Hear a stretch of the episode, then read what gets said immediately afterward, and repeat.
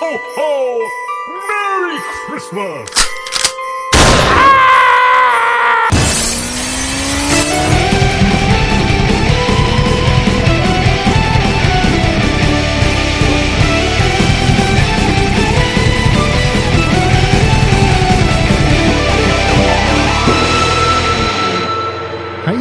Dette er Tordentale, en dannelsesreise gjennom nisselue, høytid og heavy juling. Ja, da er adventstiden eh, på en brutal frammarsj, som en ustoppelig horde med eh, alver som bare er ute etter å eh, suge ut all livsglede fra beinmargen din. Nå kan hende at dere eh, vokste opp med litt andre julefortellinger enn det jeg gjorde, men eh, nå fikk dere et lite innblikk der, i hvert fall. Nå, eh, som vanlig så regner jeg jo med at dere har lest eh, tittelen, men for de som eh, er demente og ikke er spesielt lesekyndige, så er det jeg må, jo, jeg må jo si det at vi, får ta et blikk tilbake igjen. Forrige uke så, så vi på Mariah Carey sitt julealbum, og gjorde oss opp noen tanker der om hva et album skal være, og et julealbum, ikke minst. Og jeg tror jeg endte opp med å være mer positivt overrasket der enn det jeg hadde forventninger om å bli.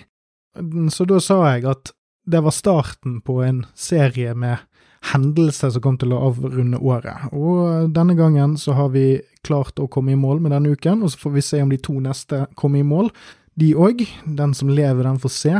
Men planen er i hvert fall nå at denne måneden her, med unntak av Rocky 4, som startet eh, julebonanza, så handler det om julealbum, og mer spesifikt disse tre siste ukene av året skal handle om heavy metal-julealbum. Og så kan man jo spørre seg om hvorfor, men eh, jeg er litt sånn som eh, Vår Herre. Mine veier er uransakelige. Eh, men òg fordi at altså, hva Det, det gøyeste med å, å, snakke om sjanger og ting du liker, er jo å prøve å, å teste grensene. Hva er det som er den absolutte grensen for hvor langt heavy metal-strikken kan tøyes? Og jeg mistenker at konseptet julealbum er ganske nært bristepunktet. Så nå tester vi det ut i tre uker og ser hva vi kommer fram til. Og i dag så har vi jo tatt for oss Halford 3, Winter Songs. Jeg fortsetter jo mitt sedvanlige arbeid med å ikke snakke om de tingene som veldig kjente artister er aller mest kjent for. I, i tidligere tilfeller så har det jo vært eh, Jo, altså, Metallica er jo kjent for St. Anger, men ikke først og fremst. Det er vel mer et eksempel på hva man ikke bør gjøre når man er et veldig, veldig, veldig stort og kjent heavy metal-band. Uh, og så har jeg uh, snakket om KK's Priest, som er en offshoot av Judas Priest. Uh, jeg har snakket om den forferdelige Lulu-platen til Metallica og Lou Reed. jeg har snakket om Black Sabbath sin dårligste plate, Forbidden. Angivelig dårligste plate. Jeg orker ikke å åpne den boksen med biet igjen, men jeg burde jo forresten det, det er jo den mest lyttede episoden i år, og noensinne nesten, så flere sinnssyke påstander om Black Sabbath burde jo være noe jeg noterer meg til fremtiden. Men i det store og det hele så er ikke jeg så Altså, det er gøy å snakke om veldig kjente ting, og det kan hende jeg tar for meg mer kjente ting eh, fremover, fra store artister, men det er gøy å, å ikke bare som jeg sa, dette med julealbum, teste ut grensene for hvor strikken tøyes, men det er òg gøy å se på mindre kjente aspekter ved veldig kjente artister, for å se hva er det de gjør når ikke alle, alle sitt blikk er vendt mot dem. Altså, hva er det de gjør når de, når de tester ut sine egne grenser? Og det er jo et evig spørsmål. Hva er det som gjør en artist til en artist? Hva er det som gjør at de eh, eller, eller hvilken del av, eh, av karrieren og musikken er det som er interessant. Så da tar jeg en rask gjennomgang av Rob Halford sin solokarriere. Jeg kommer ikke til å nå gå inn på Fight eller Two, som var de to første soloprosjektene, eller delvis soloprosjektene, han hadde etter at han sluttet i Priest på begynnelsen av 90-tallet, men jeg kommer til å ta, snakke bitte lite grann om det jeg vil kalle det beste soloarbeidet hans, som er Halford. Eh, I hvert fall med visse forbehold. Eh, og det er det at eh, jeg har hørt mye på det som da var Fordi Halford er da et soloband med et for et soloband å være mer stabil lineup enn det man skulle trodd. Og fra tidlig 2000 til rundt 2010 så ga Rob Halford ut fire studioplater, én offisiell liveplate og noe DVD-er og noe bokssamling og sånt under det navnet. Og mange har regnet Halford sin debutplate, Resurrection, som slags, en slags audition-tape for å bli med i Judas Priest igjen. Uh, noe jeg kan si meg enig i, i hvert fall på de to første låtene på det albumet. De er ganske selvrefererende og tilbakeskuende. Uh, fordi Helford var ganske søkende på 90-tallet og prøvde seg på litt sånn Pantera, Nine Inch Nails-aktig nyskapning uh, for å på en måte henge med i tiden. Men som med alle gamle 70-80-tallshelter, så er det sånn at man til slutt finner ut hva er det du er best på. Jo, det er jo det å være en biker-metal-dude som skriker og hyler. Uh, og jeg kan bare sånn off the hook her varmt anbefale de to første studioplatene, da Resurrection og Crucible. Og de to platene, pluss liveplaten Live Insurrection, som kom ut uh, på samme tid, tidlig 2000-tall, de er ja, en del av min uh, utdannelse, rett og slett. Jeg tror jeg i periode før jeg virkelig kikket på alt som var Judas Priest, så hørte jeg nok vesentlig mer på de tre platene, for eksempel, enn jeg gjorde på en god del av de klassiske Priest-albumene. Bortsett fra liksom de store som alle kjenner til og sånn. Og det var bare en sånn tilfelle av at sånn rundt reunion, når det var mye blest om Halford og Priest, så fant jeg førsteplaten eh, på tilbud og, og, kjøpte den, og så bare ble jeg veldig forelsket i, de, i hvert fall første halvdel av platen. Eh, og har bare hørt mye på det, og det, det, har, det som er bra med Halford solo, er at det, det får fram nettopp andre om ikke kvaliteter, men du, det dveler på andre side av musikken enn Priest gjør. Og det er fordi at det er Rob som er i fokus, og det er han som på en måte styrer skuten helt alene. Selv om øh, han er en veldig sånn innspillsmessig type som hører på alle, og, eller hører på de som har noe fornuftig å si og tar noen avgjørelser på det, så er det, det er han som er soloartisten. Sant? Det er han som bandet blir solgt på og sånt. Uh, og, og, resultatet er veldig stilige vokalprestasjoner, men òg en litt mer amerikansk chuggete spillestil, som er på grunn av at det er flere amerikanere i bandet og litt sånt. Så det høres mer, det høres mer samtidig ut enn klassisk Priest det høres ut som det kom ut når det kom ut på 2000-tallet, men det har Og jeg vil ikke si at det er Priest-Priest-aktig musikk nødvendigvis, men det er Hva hadde Priest hørtes ut dersom Rob Halford var siste eh, originalmedlem, eller i hvert fall siste medlem av den klassiske lineupen som var igjen. Eh, og det er tøft. Det er egen, et eget univers å, å utforske der. Eh, så de, jeg kan i hvert fall anbefale de to første studioplatene og liveplaten. Men da kommer vi til Halford 3, Eh, og det får vi jo bare si som så, at det var et album som ble sluppet i november 2009. Det er da det første studioalbumet til Halford som kom ut etter at uh, Priest uh, Etter Priest reunion. Uh, og jeg må bare si to ting. Denne kalles Halford 3 med romertall. Den står oppført som det mange steder, men på coveret så står det Halford 3 med vanlig arabisk, arabisk tall, eller hva enn det vi kaller vårt vanlige tallsystem. Og det er jeg lik, jeg, det, det, får uh, min indre asperger ut. Jeg syns det er slitsomt å se på. Bestem deg for hvilket tall du vil bruke, og hvis du er i tvil, gå alltid for romertall, fordi at romertall ser tøft ut. Så enkelt er det bare. Ikke flip-flop mellom de to tingene der, det er veldig slitsomt. Og så får jeg òg si en annen pet peeve, det er at den har et fugly cover. Det er veldig, veldig, veldig Ta noen bilder på en bluescreen og få nevøen til noen på kontoret til å slå, slippe det sammen i Photoshop med noe vinterfilter på. Ja, jeg må, jeg må komme meg videre før jeg ender opp med å si noe jeg angrer på. Så, kort og godt, dette er et julealbum. Den heter Winter Songs, Uh, og med litt godvilje så kan du si at det er en plate som handler om vinteren og, og uh, mørketiden og bla, bla, bla. Du kunne, du kunne lagd et julealbum uten Jesus, uh, eller et vinteralbum uten Jesus, og sluppet unna med det. Men dette her er et julealbum. Det er masse julesanger på, både klassiske og nye. Og det er det det er. Det er, det er ingen vei unna. Det er et julealbum. Punktum. Så det det vi skal gjøre i dag, det er at vi skal prøve å bruke noen av de verktøyene vi utviklet på Mariah Carey-episoden, til å se på Winter Songs Og med oss i bakhodet så skal vi spørre oss er det et godt julealbum, er det et godt album for denne artisten, og hva er egentlig et godt julealbum?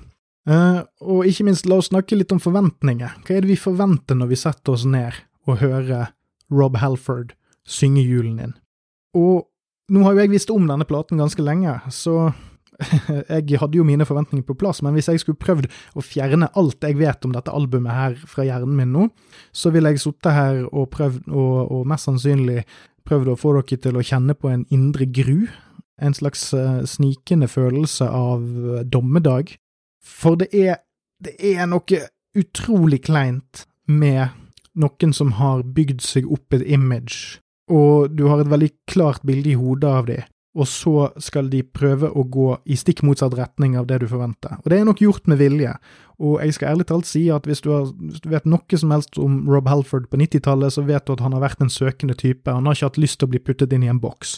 Og det kan jeg respektere. Jeg kan respektere at du har lyst til å være deg sjøl som kunstner og artist. Helt i orden.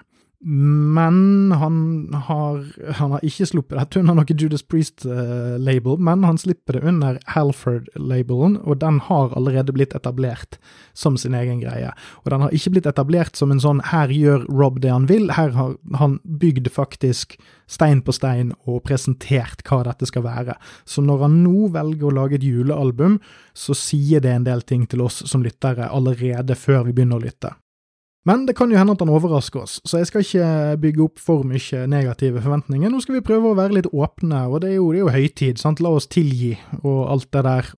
Men øh, la oss da ta og trekke juleskinncapsen langt nedover øynene og se litt på hva Rob har stelt i stand her.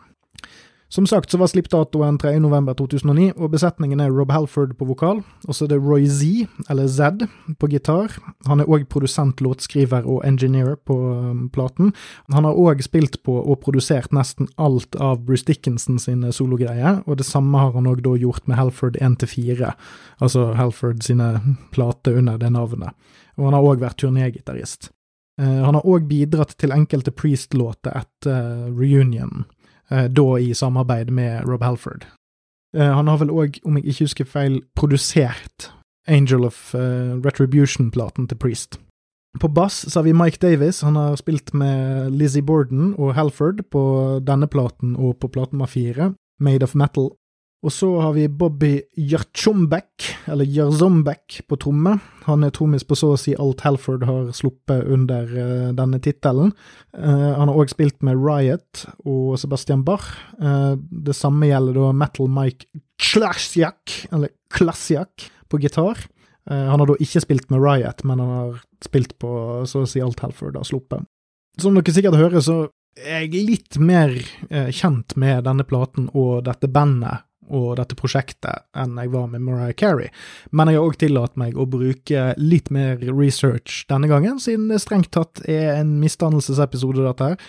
Så eh, nå, nå, er det litt mer info om hver enkelt låt eh, tilgjengelig for meg. Eh, på det punktet at på Mariah Carey-episoden så googlet jeg ingenting, da forholdt jeg meg bare til sang sangtitlene, og som en konsekvens av det så jeg, hadde jeg ikke så mye å si om de mer klassiske julelåtene, eh, eller eh, når ting var fra og den typen ting, men nå har vi litt mer info på det planet her. Eh, og det vi òg skal ha med oss, er at, som vi snakket om sist, er at et julealbum i ordets rette forstand gjør tre ting, mer eller mindre. Og det er å covre steinkalde juleklassikere, altså sånn flere hundre år gamle eh, julesanger som gjerne stammer fra ja, kortradisjoner eller kirkemusikk, den typen ting. Egenkomponerte låter som både kan være i en litt mer sånn samtidsorientert retning, altså at du skal tilføre tradisjonen noe sjøl, altså at du lager en helt ny låt som passer inn i en mer sånn generell julemusikk-kategori, eh, som er ikke så klassisk, men har en del eh, faste grep med, med instrumenter og med tonearter og sånn. Du kan leke litt med den biten der som du vil. Det gjør du på eget ansvar. Eh, og så er det òg dette med hvor radikalt nytolkende skal du være. Eh, hvilke grep gjør du med, med disse sjangrene? Du kan, du kan gjøre din helt egen stil, eller du kan imitere andre sin stil. Så, da begynner vi med Get Into The Spirit, som er åpningslåten på platen. Den er skrevet av Rob Halford og Roy Zedd, eh, Roy Z og John Baxter. Det er en helt original låt. Og når denne kommer på, så skjønner du at dette her var ikke helt gjennomtenkt. Den starter med chuggeriff, med sånn lettere, sånn her eh, melodisk over eh, Ikke direkte sologitar over, men, men sånn litt sånn denne klassiske heavy metal, eh, lettere lyngitar-akkordspillingen, som du sikkert kan visualisere deg dersom Visualisere i hodet dersom du har like god fantasi som meg. Og så kommer Rob beint inn med high pitch-vokal den, den, denne klassiske high pitch-vokalen han er kjent for, men han utviklet den på en litt særegen måte på tidlig 2000-tall, der den har en helt egen tone, og den er helt spesifikt brukt på denne låten, og denne låten alene på platen. Nesten hele låten er sunget med denne high pitch-vokalen. Det er en ganske standard amerikanisert Priestish-aktig sang, som jeg snakket om i sted. Uh, og har du hørt noe av Halford før, så kan du forestille deg den her før du hører den det er ting som er off her, for det er jo en, en, sang som skal ja, sant, Referansen er Get Into The Spirit, sant, altså få høytidsstemningen. Det er ikke direkte det sangen handler om egentlig, det skal vi komme litt tilbake til, men referansen til at dette her skal være litt julete, ligger der i tittelen og delvis i teksten, sant. Men den har en elendig melodiøs bridge som trekker ned. Um, resten av låten kunne man jobbet med under andre forutsetninger, men denne melodiøse bridgen er helt ræv. Låten er mest kul på vokalfraseringene, men ellers er det veldig lite å skrive hjem om. Det er en veldig typisk 2000-talls Halford-låt. Som jeg sa, det er ikke en helt konkret julelåt, men den har litt sånn gestikulering i retning av jul. Men hvis du hadde gjort det litt mindre, så kunne du ha skrevet den her om til et litt sånn uh, pseudoreligiøst metal anthem. Altså ja, hvis du ser litt sånn seinere i Priest sin karriere, så ble Rob mer Det er jo han som har skrevet tekstene til alle Priest-låtene som han har sunget sjøl. Um, og um, i hvert fall fra andreplaten og ut. Jeg er litt mer usikker på rock and roller. Um, men det er nok sånn at uh, men, men, etter hvert som karrieren gikk, så ble han mer refererende til kon konseptet heavy metal, uh, og, og, og, denne her litt sånn oppløftende fellesfølelsen av, av brorskap og samhold.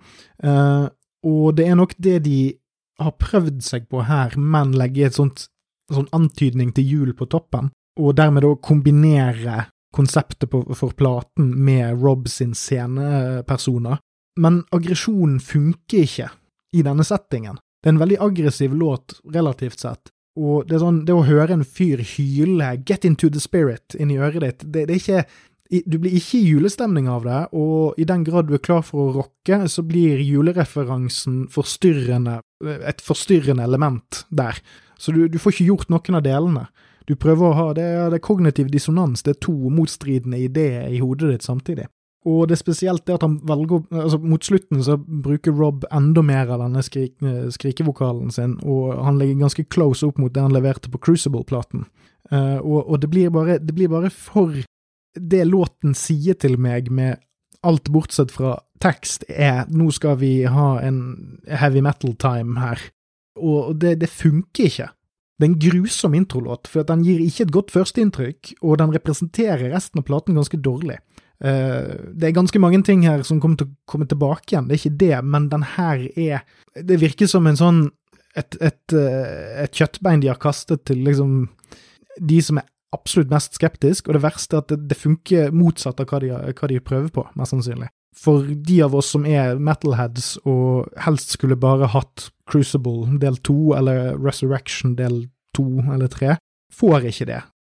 Men da er vi over på låt nummer to, We Three Kings fra 1857, som en amerikansk klassiker skrevet av John Henry Hopkins jr.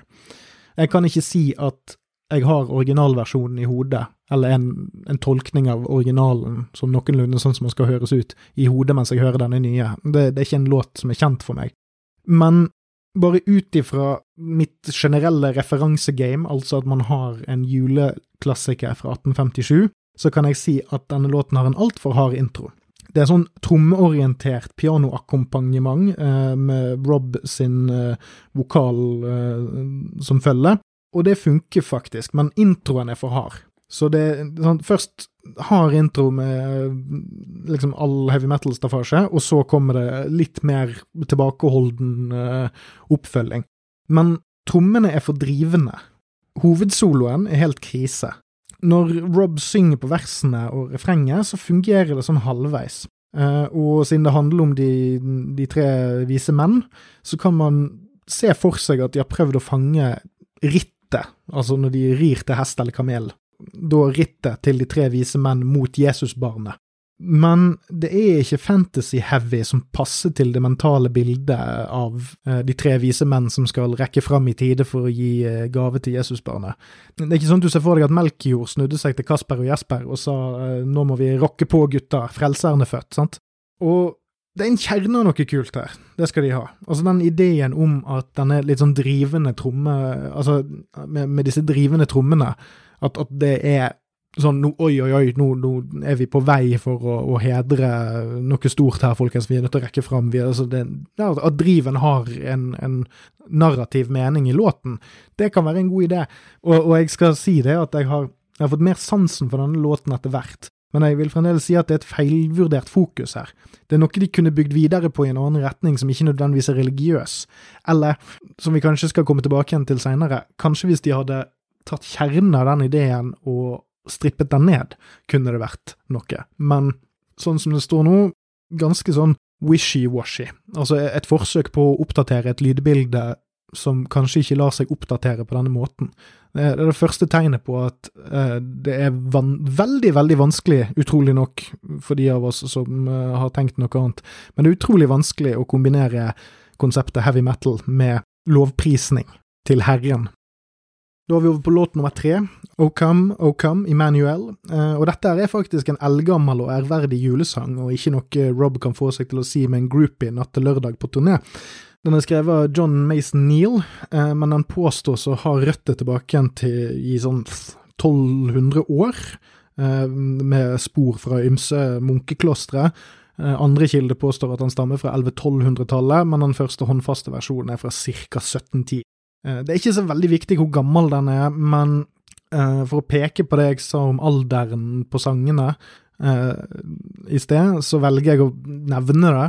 Mest for, for å bare ja, at vi skal kjenne litt på dette, at det er ikke bare den umiddelbare julemusikken, det vi alltid blir eksponert for og sånt vi snakker om når det gjelder disse juleplatene, men det der at dette her har lange og, og, og veldig satte rammer, denne musikken her. Låten handler jo egentlig mest om hva Jesus skal frelse Israel fra, profeti og sånn, altså profetien om Jesus. Og Rob sitt stemmevalg og melodi, det funker, men kompet er malplassert. Um, innledningsvis er han ganske lik når det gjelder problemene med We Three Kings, men ikke like uptempo.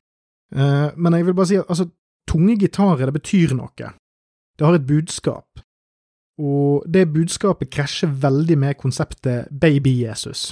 Uh, Jesus er ikke tøff, Jesus er ikke barsk, og Jesus skal frelse gjennom offer, ikke vold. Men heavy metal og tungerock og rock uh, har alle til en viss grad et element av vold i seg.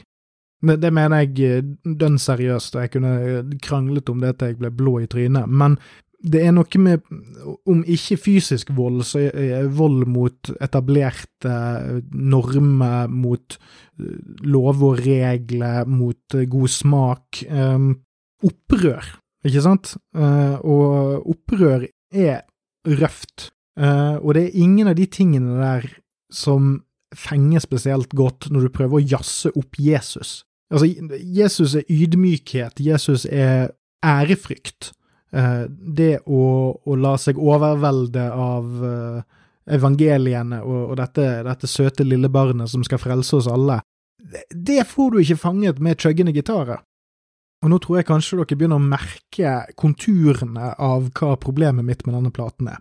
Men før vi går nærmere inn på det, så skal vi ta, ta et lite sidespor her med låt nummer fire, Wintersong av Sarah Barail, eller Barails, eller Sara Bareiles, som de sier i Trøndelag, og uh, Ingrid Michaelsson, eller Ingrid Michaelsen, siden de er nordamerikanere. Men uh, jeg tror jeg skal gå for det der at når jeg ikke er helt sikker på hvordan ting skal uttales, så skal jeg gå for trøndersk. Um, for eksempel så er det en som uh, på neste låt her som er skrevet av uh, William Charterton Dix. Sant? Altså, det er mye enklere å si det med en gang, sant? selv om du er litt usikker på hvordan du skal legge trykket. Så redder trøndersk deg med en gang. Men tilbake igjen til Wintersong, da. Det er jo på en måte tittellåten for platen, siden den heter Winter Songs, og dette er Winter Song i entall. Um, det er en flett ny samtidsjulelåt fra da platen kom ut. Uh, originalartistene slapp en egen versjon året før. Altså, det er jo ikke en eksplisitt julesang sånn tekstmessig, men ja, og kanskje er det den mest sekulære på platen. Um, og jul kan være sekulært. Altså, sekulært er bare fraværet av religion. sant? Altså, det er hvordan vi ordner samfunnet vårt vekklipt fra religion, men vi kan ha religiøse rite som vi gjør ureligiøst. sant? Og veldig mange av oss feirer jo jul selv om vi ikke tror på verken Gud eller Jesus eller baby Jesus eller Dilbert og Dolbert og krigen i Irak. Og, og, som en konsekvens av det, og dette var vi jo inne på i forrige episode òg, at det er Det fins flere elementer av julemusikk som handler mer om høytiden eller om ritualet å samles til jul med venner og familie.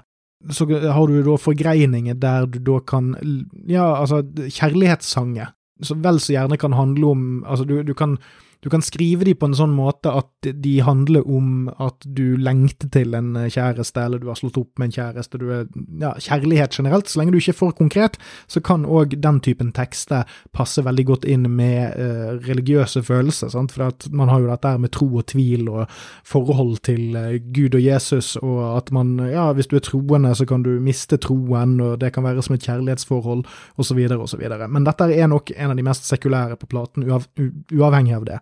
Men det er litt sånn eh, Det peker i hvert fall på noe, tenker jeg, at når det kommer til kritikken jeg har mot låtene på denne platen, så tror jeg at den Og det kan vi kanskje lagre i bakhodet for resten av episoden, at kanskje det å være mindre Jesusete uh, i noen tilfeller kanskje kunne reddet dette prosjektet. Altså distansert seg mer fra det konkrete. Uh, men så har jeg et annet eksempel seinere som gjør det stikk motsatte, så uh, hva faen vet jeg introen her er jævlig irriterende, at det er en lydeffekt som kommer på, som er en litt sånn her digitalisert eh, sånn klirrelyd.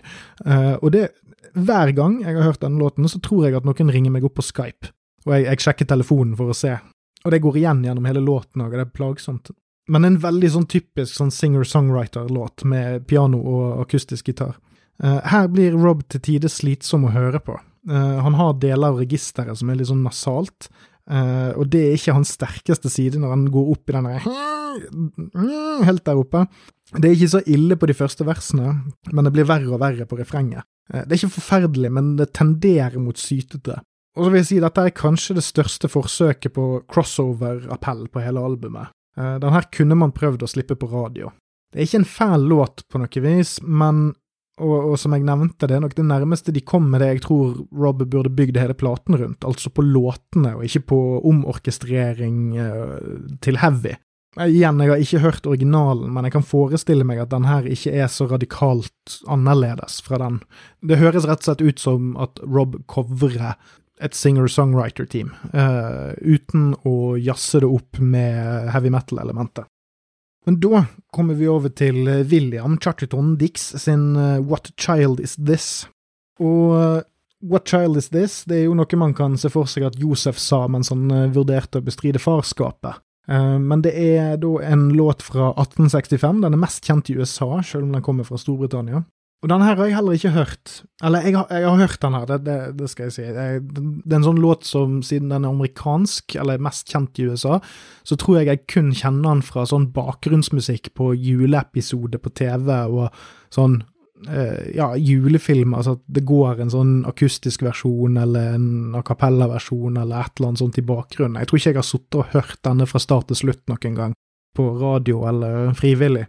Men det her er en låt som tekstmessig eh, prøver å bygge opp dette her eh, Jesus-underet. Eh, altså, altså, her har du et, et, et, uskyldig lite barn som er født i en krybbe fra veldig sparsommelige kår, eh, og så vet vi at hans skjebne er jo å dø på et kors eh, og bli pint til døde. Altså, det, det, er en veldig patos storhet i disse enkle ordene, og på denne låten her så gjør Rob sin beste vokalprestasjon på hele platen, og det er ikke nødvendigvis i powerskriking eller noe sånt, det er bare det at han har evne til å faktisk, med ord, eh, og, og med bare hvor han velger å legge trykk med egentlig det jeg vil kalle en veldig den sånn standardstemmen sin, altså en, hans standard sangstemme som ikke er heavy eller rockete.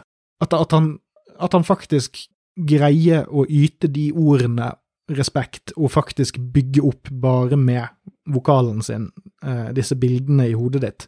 Hvis du gir det en ærlig lytt. Den er veldig reservert i starten, eh, og, og Robs stemme er som sagt fantastisk her, og dette her er knallbra, vil jeg bare ha sagt.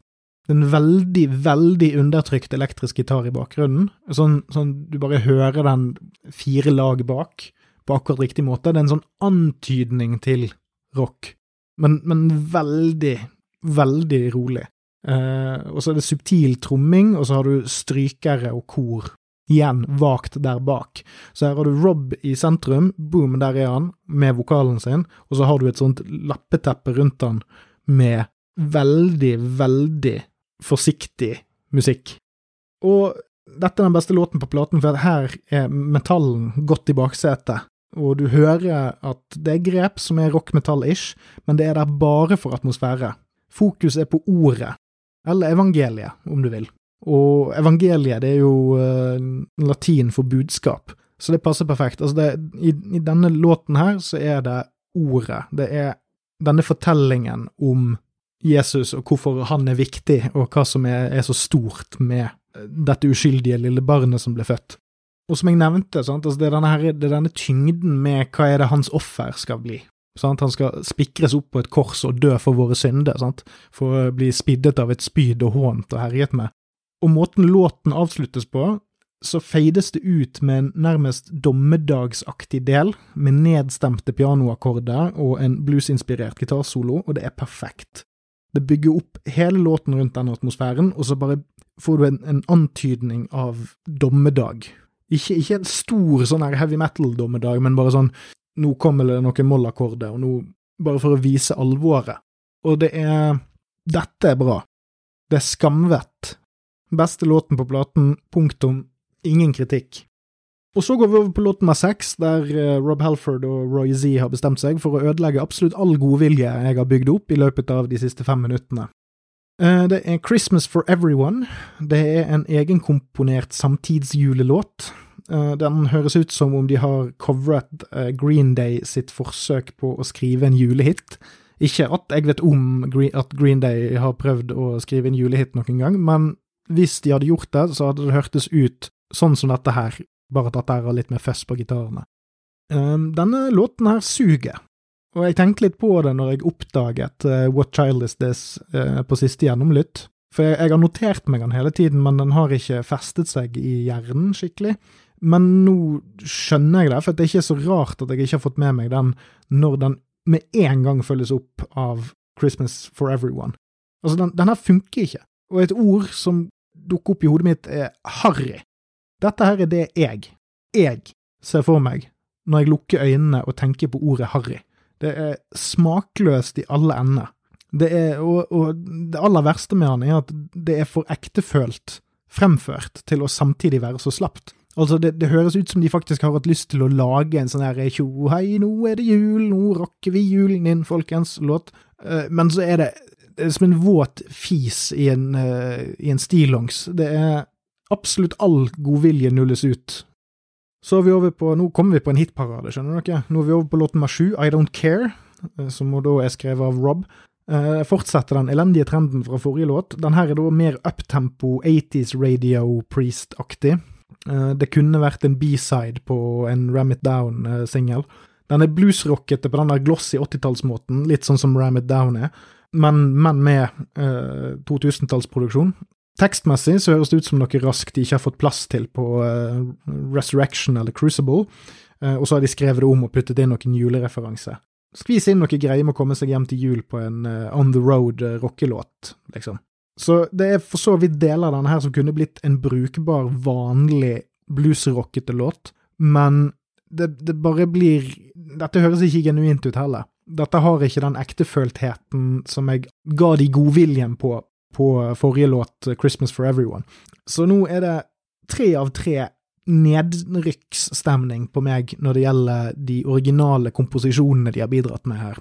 Og det er en av de som har prøvd seg på en litt sånn kontemporær stil, og så har de prøvd å ha to med litt mer sånn Rob Halford, uh, metal-skrik julen din, men uh, her bare viser de at dette konseptet her har veldig få bein å stå på. Så har vi over på nummer åtte, Light of the World, som òg er skrevet av Rob, og en original låt for denne platen.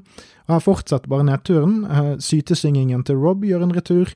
Det er et kjipt forsøk på en rolig original julelåt, og det er ikke egentlig en julelåt per se, dette her heller. eh, siden den ikke omhandler julen konkret, men det er heller en slags kjærlighetslåt som kan tolkes julete, som vi har snakket om. Den er veldig kjedelig, og jeg har allerede glemt den. Så jeg tror vi bare må prøve å komme oss videre, før jeg snakker på meg narkolepsi her. Da er vi på låt nummer ni, Oh Holy Night, av Adolf Adam, eller Adolf Adam. Det er jo da O helga natt, skrevet i 1843 slash 47, det er en Neverending Story-aktig synt over introen. Jeg sitter og venter på at Limal skal komme flygende inn på Falcor. Her er fokus fjernet helt fra låten fra start, på grunn av denne synten og det lydbildet som låten allerede, etablerer allerede eh, ved start. Eh, og så kommer de tunge gitarene tilbake og tar med seg absolutt all den slitsomme bagasjen fra tidligere på platen. Igjen kunne Rob sin vokalprestasjon båret mye av lasset her, eh, dersom de var mer nedstrippet og sånn vagt metal-gestikulerende eh, i lydbildet, men med en gang hele kostebinderiet kommer inn her, så blir det bare rot. Og her krangler Rob om oppmerksomheten med gitarene. Han skal synge en slags kontramelodi, men uh, man ender opp med å ikke helt klare å høre på noen av de samtidig, så du får et slags musikalsk vakuum i hodet. Det er en ikke-låt. Huh, og nå begynner jeg å kjenne at jeg blir sliten av disse originalkomposisjonene, så nå avsluttes låten heldigvis med Come All Ye Faithful av eh, John Francis Wade fra ca. 1744. Eh, og som dere hører fra tittelen, så er dette den mest vulgære eh, teksten på platen. Uh, jeg syns dette er en forferdelig versjon av denne låten. Jeg vet ikke om det beint ut er den verste på platen, men den er ganske close. Sytestemmen til Rob når sin peak her, spesielt når han drar det ut på de høyeste punktene. Noen av grepene fra tidligere prøves ut her, men de igjen prøver å holde litt igjen og underspille metalldelene. Uh, og så er det sånn gammeldags juletromming. Sånn herre Litt sånn Drummerboy-aktig. Uh, og dette skal være powerhouse-performancen, uh, Den der Rob får være uh, Mariah Carey og liksom synge julen inn på siste låt. Uh, men den ender bare opp med å være slitsom og forvirrende. Men heldigvis så skal vi avrunde med ett uh, ord til Rob og gjengen her, og det er at den totale spilletiden på platen er 41 minutter. Tusen hjertelig takk. Og da må vi jo diskutere litt her. En ting jeg dro fram i forrige episode, og tidligere i denne episoden, var prise dette Herren, og da overførte denne platen konkret, er det noe med heavy metal som kan prise Herren? Hva er det denne sjangeren tilfører julemusikk? Eh, om noe, i snitt, så vil jeg si at dette her er hånende. Eller, jeg vil ikke si direkte hånende, men det er ikke noe som uh, yter Gud rett, rettferdighet, om du vil. Fordi kuriosa-effekten med å lage et heavy metal-julealbum tar oppmerksomheten vekk fra budskapet.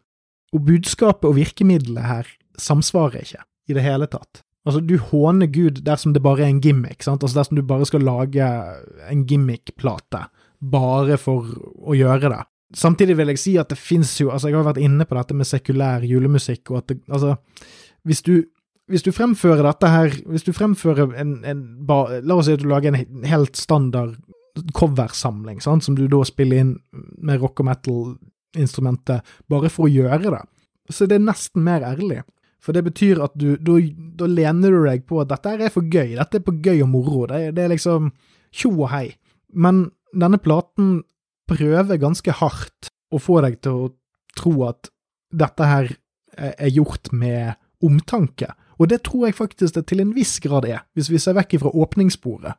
Så vil jeg si at det er et forsøk her på å gjøre noe med metal og jul.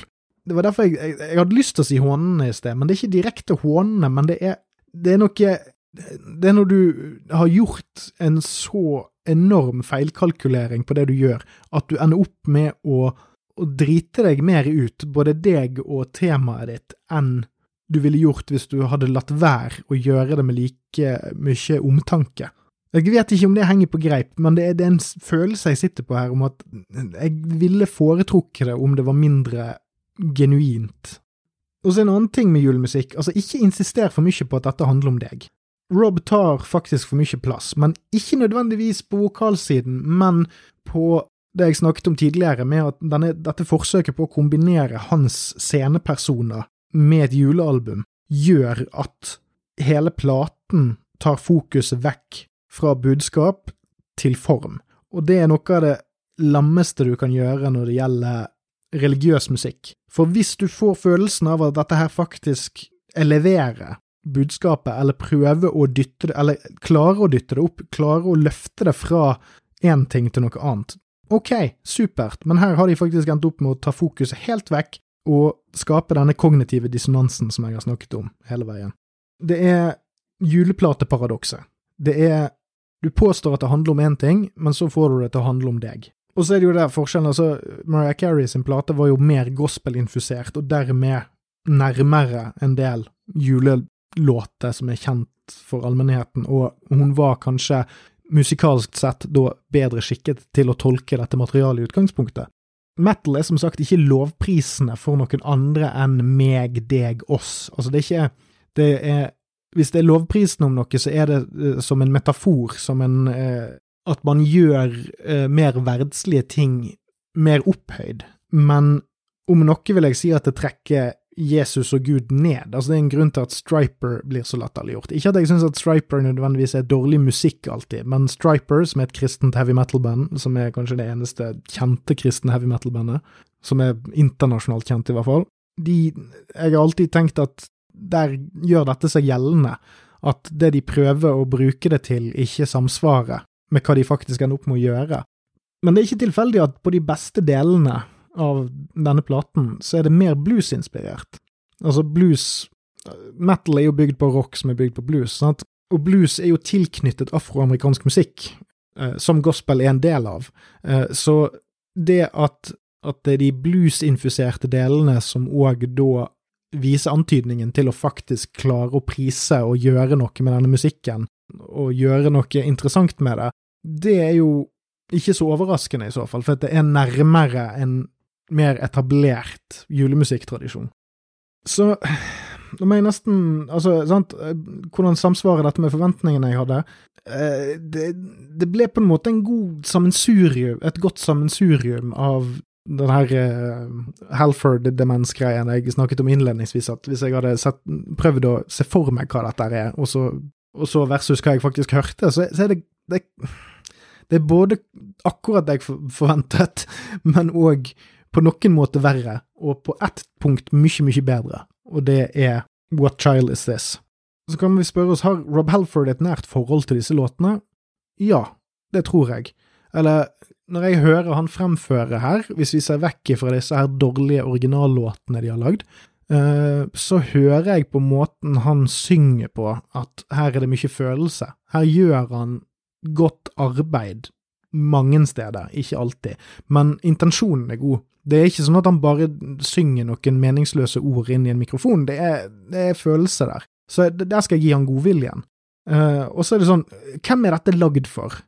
Er det, er det for popmusikk, allmennhetssfæren? Uh, Nei. Er det lagd for julemusikkfans? Nei. Er det lagd for Rob sine fans? Ja, men de kommer ikke til å bli spesielt glad for det de hører. Og så er det da, tilfører det noe nytt? Ja, det gjør det, men det det tilfører, det er ikke verdt å ta vare på, som jeg håper jeg har klart å få fram. Det er ikke et godt julealbum. Det er ikke et godt album for Rob som uh, artist, uh, fordi han og bandet slåss mot seg sjøl kontinuerlig gjennom hele platen.